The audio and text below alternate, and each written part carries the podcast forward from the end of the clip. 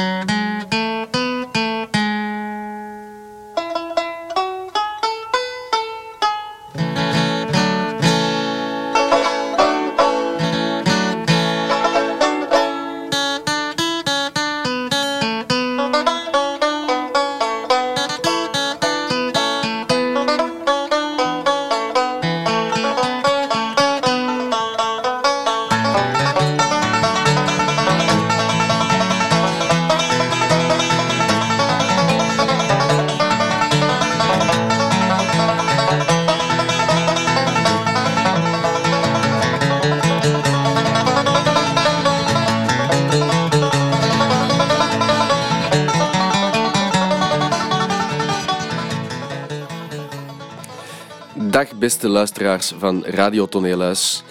Uh, wij zijn FC Bergman, of alleszins een deeltje van FC Bergman. Uh, naast mij zit Thomas Verstraten. Hallo, goedemiddag of goedenavond. En ikzelf ben Stef Aarts. Uh, wij maken voor jullie een, een kleine aflevering van Radio Toneelhuis. En die staat helemaal in het teken van muziek die onze voorstellingen nooit gehaald heeft. Um, zo zijn er altijd heel veel uh, uh, muziekstukken. Um, en het uh, nummer dat jullie er juist hoorden was Dueling Banjos uit de film Deliverance. dat is tegelijk een nummer dat we niet echt hebben willen gebruiken, maar um, dat we een beetje uit armoede nu laten horen, want er zat een gelijksoortig nummer in onze nieuwste voorstelling, de Sheep Song.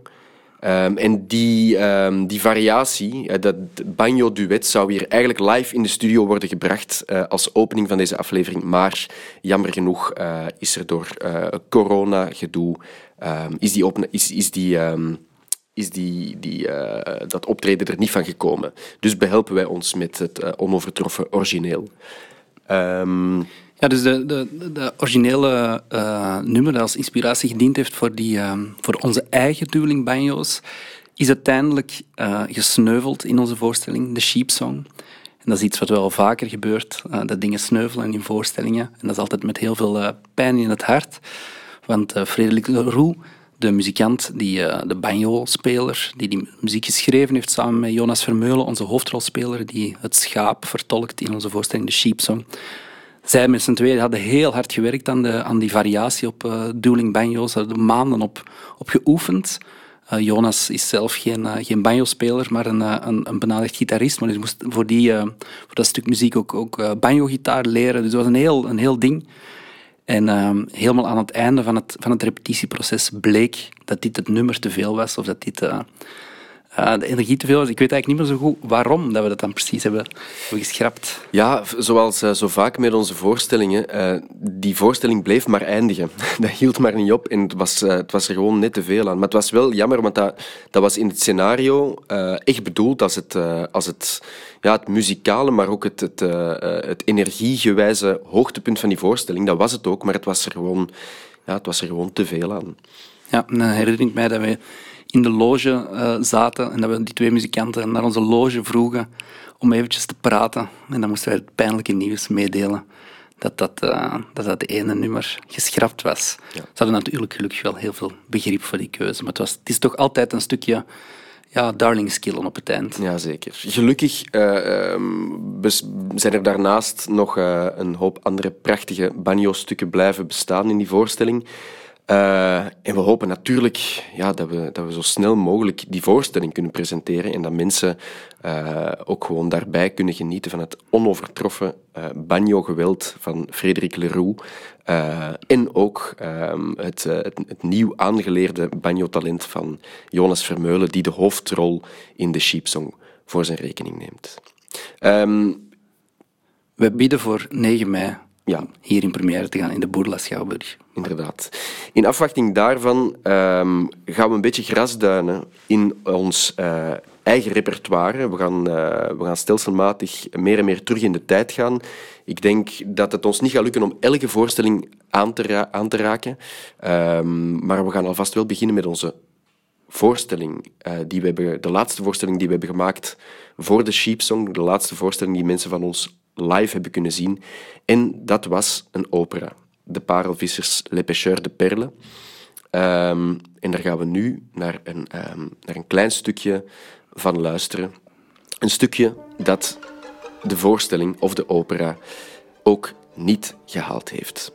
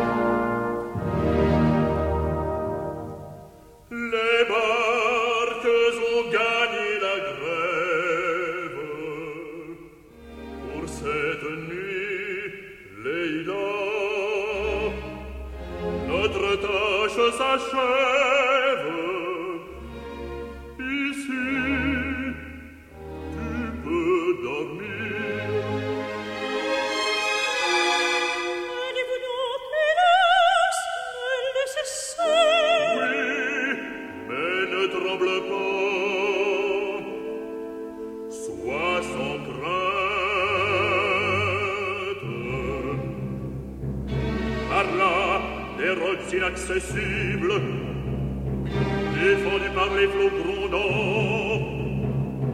De ce côté, le pont, et là, gardien terrible, la lance de l'épaule,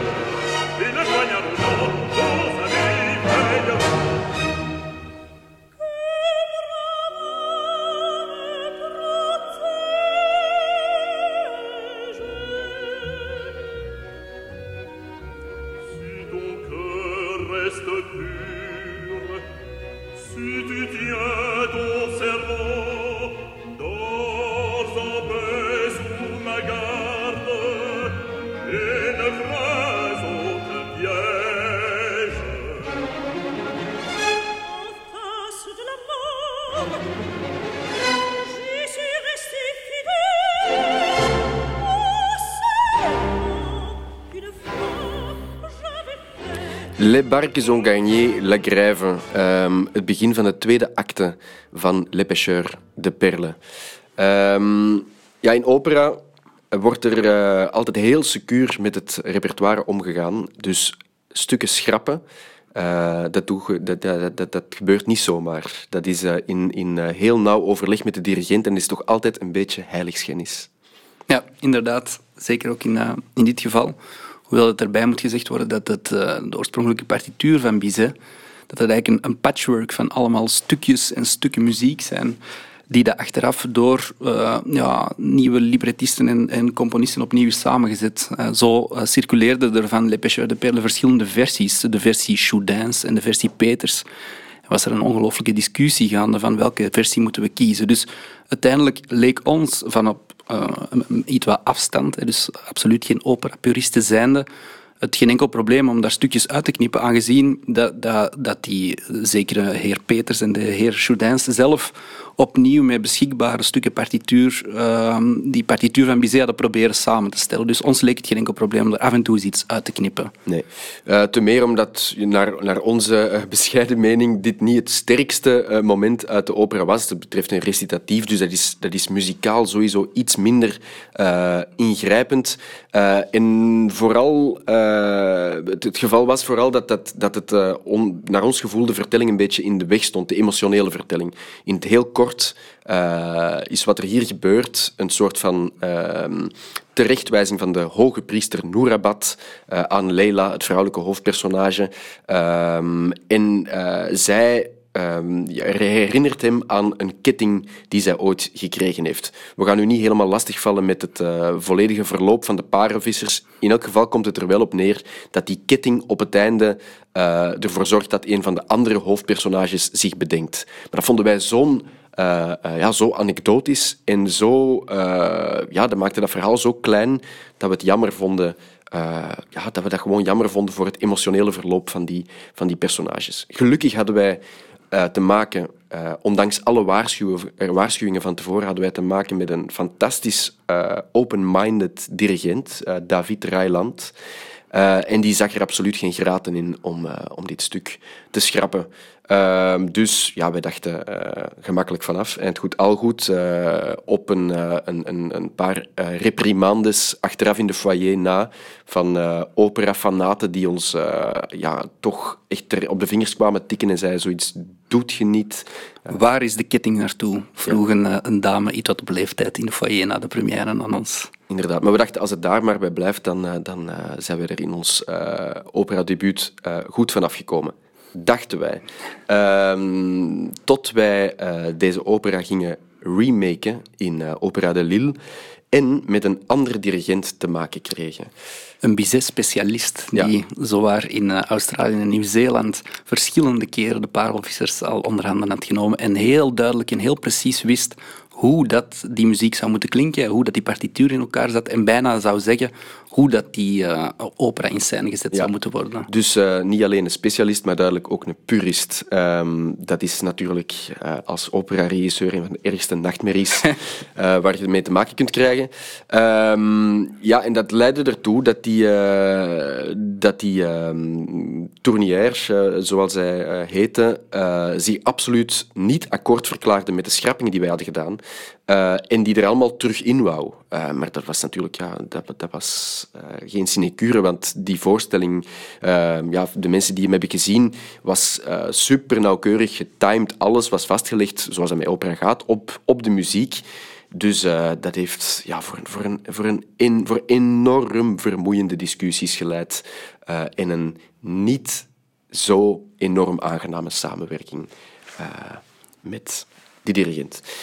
Ik denk dat we naar het volgende nummer kunnen overgaan, want dat komt uit de voorstelling onze laatste theatervoorstelling die we eigenlijk op de mensheid hebben losgelaten, JR. En daar zat deze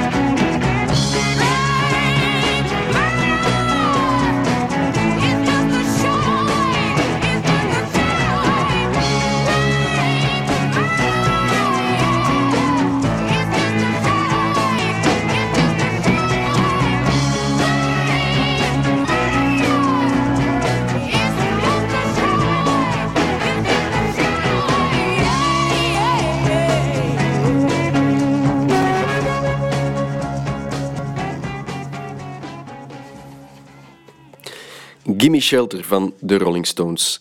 Een, een nummer dat de voorstelling JR net wel gehaald heeft, uh, maar het had niet veel gescheeld. En dat kwam uh, door een, uh, een immer voortdurend conflict met onze vaste geluidsontwerper Senjan Jansen, Ehm, die het haat om muziek op te zetten.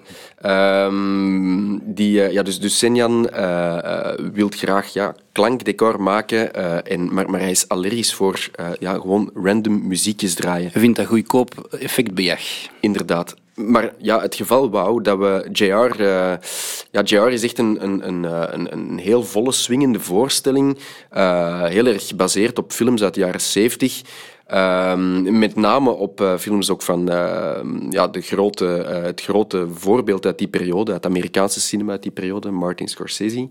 Ehm, en dus we zeiden, ja, deze voorstelling gaat wel echt vol muziekjes zitten. Uh, was daar absoluut niet van gediend. Maar we hebben dus toch geprobeerd onze, onze slag thuis te halen. Wat we absoluut als ultieme ode aan Scorsese uh, Gimme Shelter, omdat er een nummer is dat hij in zijn films vaak gebruikt. Ik denk dat dat in zeker drie of vier van zijn films voorkomt. Dus het was echt een, ja, een kleine ode aan die, aan die cineast die we erin wouden.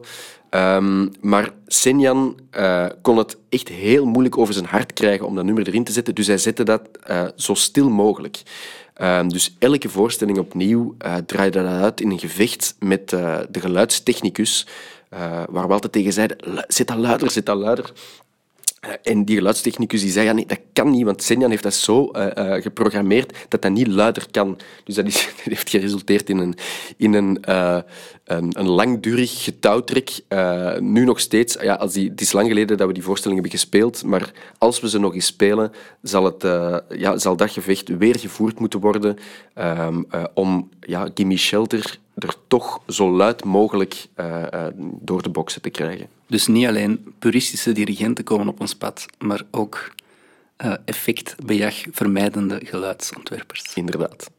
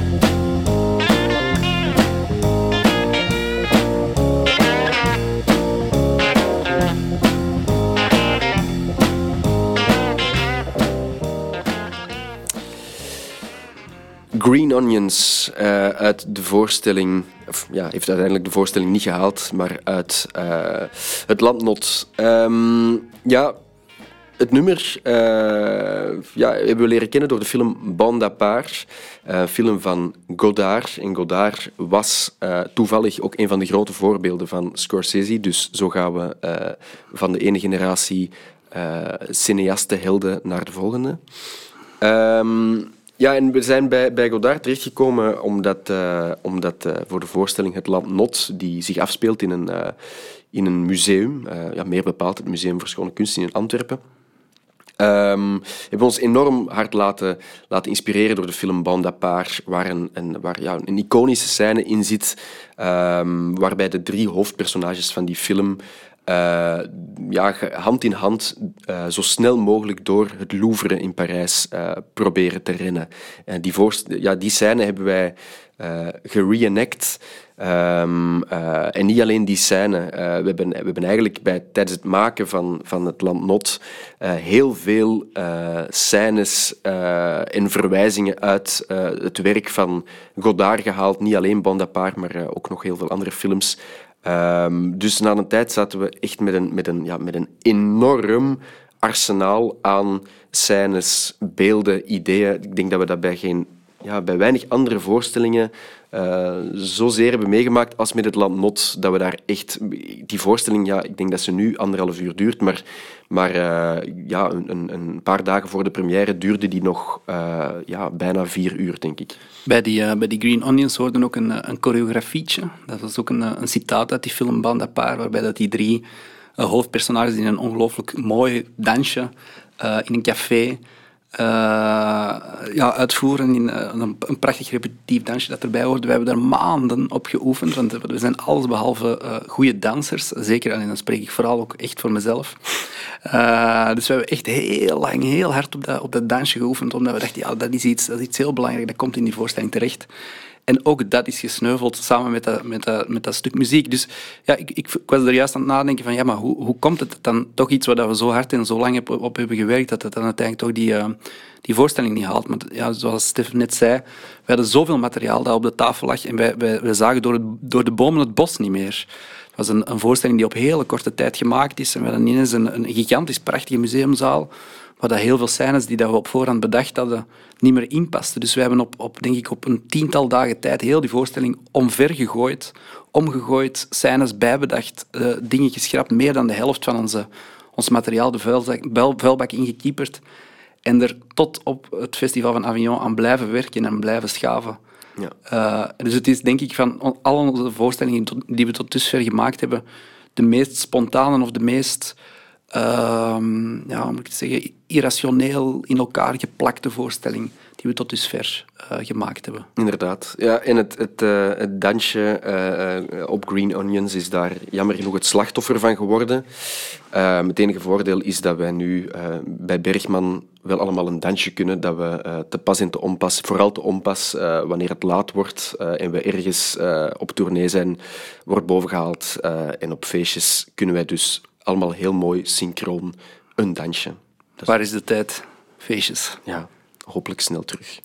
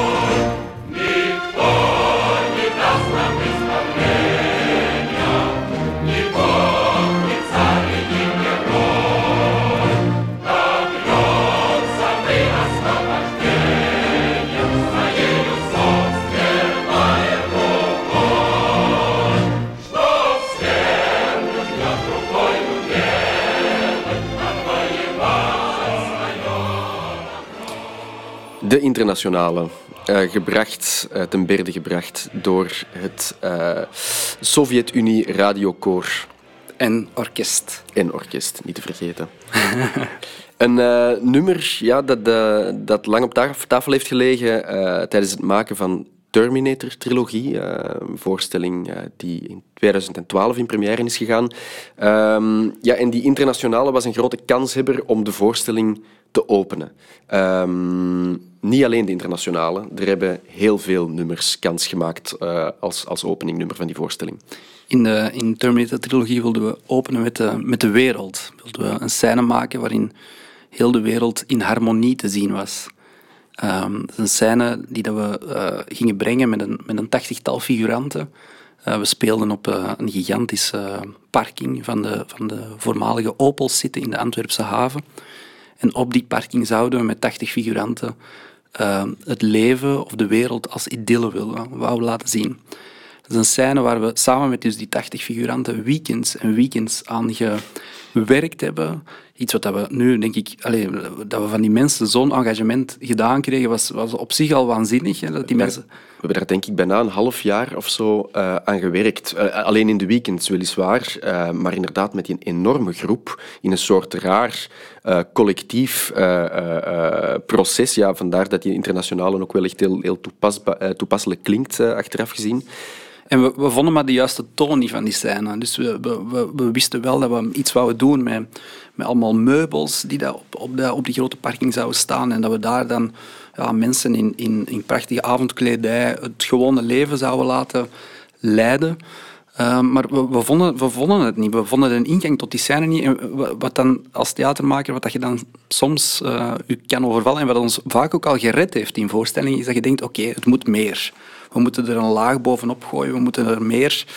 Uh, nog, meer, nog meer dingen, alleen nog meer theatraal effect bovenop gooien. En, en daarom dachten we, ja, laten we gewoon die, die, die Russische mannenkoren overzetten en dan gaat die scène wel vanzelf iets worden. Dus wij hebben ja, op, een, uh, op een onherbergzame uh, grote parkeersite in de haven van Antwerpen 80 figuranten echt ontelbare keren laten op- en afkomen met telkens andere muziek eronder. Uh, heel vaak deze internationale, maar ook ja, heel veel andere stukken muziek. En, elke keer nou ja, tegen elkaar zegt, nee, dit toch niet, ja, of toch wel. We geraakten er niet uit. Uh, en uiteindelijk uh, is daar toch de grote aversie van onze uh, geluidsontwerper tegen muziek, wederom Senjan Jansen was dat, uh, heeft ons daar gered. Uh, Senjan die, die ons zei, haal alsjeblieft die muziek daaraf. ja, ja, en zoals Thomas net zei, van, ja, kunnen inderdaad, dat kunnen we toch niet doen, want het moet toch het moet genoeg zijn. Ehm, maar we hebben dat dan toch geprobeerd en die scène gewoon in stilte laten plaatsvinden. Uh, en dat leverde een enorm mooi uh, uh, schouwspel op. Dus uiteindelijk is die scène gewoon in stilte doorgegaan. Weliswaar door onze ja, geluidsontwerper een beetje gepusht met hier en daar... Een vogeltje. Een vogeltje en wat omgevingsgeluid. een heel ingenieus ontwerp was dat. Um, maar uh, ja, dank uh, aan Senjan bij deze om ons, uh, om ons daar toch vanaf te brengen. En, en, en het is denk ik misschien wel een van de mooiste scènes um, die ons oeuvre bevat. Ja, en ik denk dat, dat voor ons de les die keer was dat het niet altijd in de intensifiering zit, maar soms ook in de versobering. Inderdaad.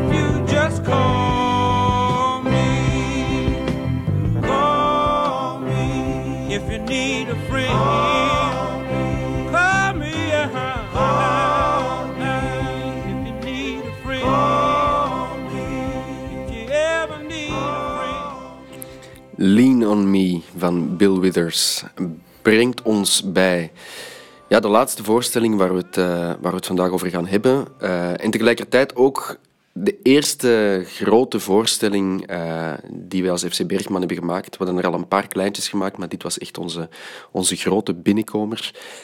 met gelijk ook een, een grote titel. We wandelen op de Champs-Élysées met een schildpad om de wereld beter te kunnen begrijpen, maar het is moeilijk thee drinken op een ijsschots als iedereen dronken is. Ik ben blij dat jij hem nog uh, kunt uitspreken, Thomas. Um, ja, die, uh, die wandelen op de Champs-Élysées, zoals wij hem verkort uh, zijn gaan noemen, uh, ja, was, een, was een enorm bijzondere voorstelling. Um, op een heel ja, intuïtieve manier gemaakt ook. ik denk dat, dat er... Um, ja, in, het kort komt het erop neer dat eigenlijk... Ja, die voorstelling draaide heel erg over figuren, verschillende personages. Iedereen van ons, van het toenmalige FC Bergman, we waren met zes toen uh, speelde een, ja, een soort mythisch, uh, mythologisch figuur. Um, ja, en maakte dan een soort parcours mee binnen die voorstelling. De voorstelling was gebaseerd op, op de Divina Commedia van Dante Alighieri. Uh, en elk van die mythische figuren zocht een manier om met sterfelijkheid om te gaan, of zocht naar naar een manier om, om de dood te bezweren en op die manier eigenlijk zijn eigen hel te creëren. Dat was eigenlijk een korte pitch van die, van die voorstelling. Inderdaad. We hebben daar, we hebben daar heel lang eigenlijk uh, um, rustig aan gewerkt. Ja, dat was in de tijd, we kwamen net van school, dus er was heel veel tijd. Uh, dus we, de, we, konden daar heel lang en traag en rustig aan werken. En al die, or, die personages zijn vrij organisch gegroeid. Er was gewoon één acteur uh, die nog geen personage had. En dat was uh, Bart Hollanders. Onze goede vriend. Onze goede vriend Bart Hollanders. Um, ja, en daar, de, de, de, personages waren een beetje op of zo. Um, en Bart had nog echt een personage nodig. Dus, dus uiteindelijk uh, kwamen we op het, uh, ja, het, het, vreemde idee om het personage uh, dan maar een soort uitvergroting van uh, Bart zelf te laten zijn. We noemden dat het mentale concept Bakkie. Uh, Waarbij Bakkie de bijnaam is van Bart in onze. Inderdaad. Um, dat personage ging wat over voortplanting, dus over een, een, ja, een, een, een man die als een soort van grote teddybeer zich probeerde voor te planten. Dus die, die, um, uh, die werd op een bepaald moment ver verkracht door een lichtstraal die uit de hemel kwam en, en uh, geraakte dan zwanger en beviel van uh, twee echte kindjes. Die er exact hetzelfde uitzagen als hemzelf. Inderdaad. een een heel bizarre lijn was dat in die voorstelling, die, die we ook nooit helemaal zuiver hebben gekregen of zo. En ook nooit echt helemaal goed hebben kunnen uitleggen. Nee, nee. En, dat, ja, dat was, was een, eh, een, een, dus het zorgde allemaal voor heel rare, uh, rare scènes.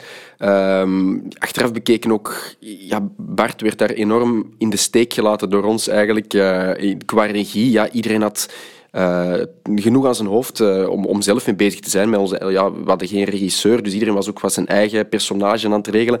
Ja, en, en Bart moest daar de raarste, de raarste uh, toeren uithalen, maar kreeg daar heel weinig feedback op. Dus we hadden zoiets van, ja, regel het maar, het, los het maar op.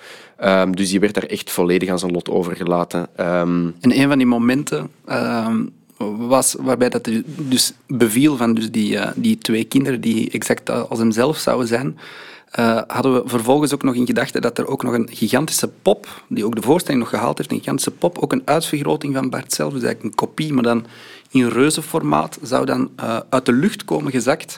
En dan tegelijkertijd zou Bill Withers Lean on Me zingen Of die pop zou dat ook playbacken, denk ik. Ja, die pop, ja, inderdaad, die pop die heeft de voorstelling gehaald. Die was zo'n vijf meter groot. Dus het was een enorme uh, soort van teddybeer-versie van, uh, van, van Bart.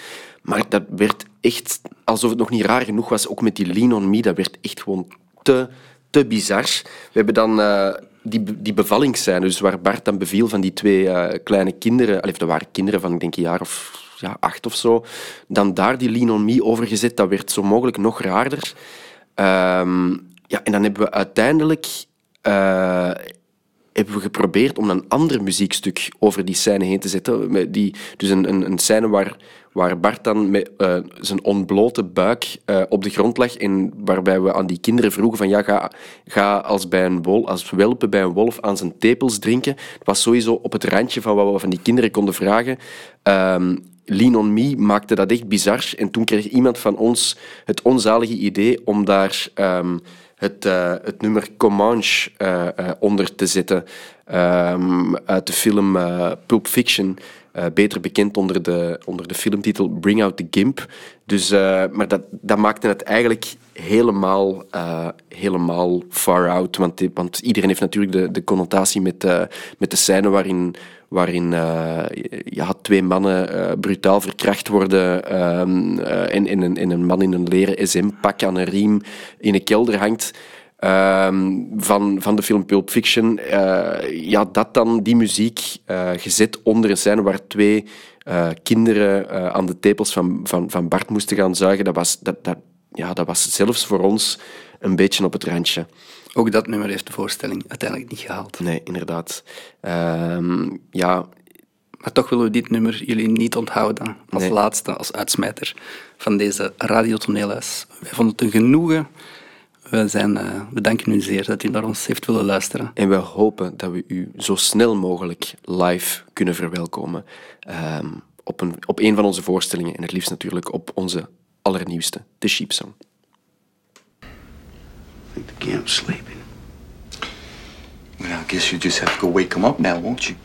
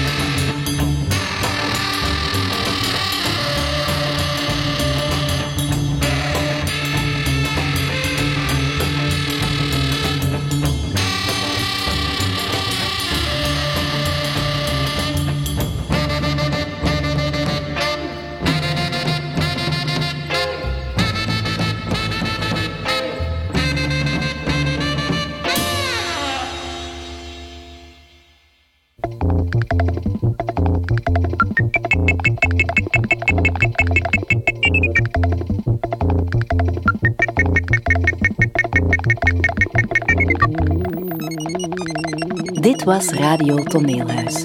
Beluister alle afleveringen op radiotoneelhuis.be.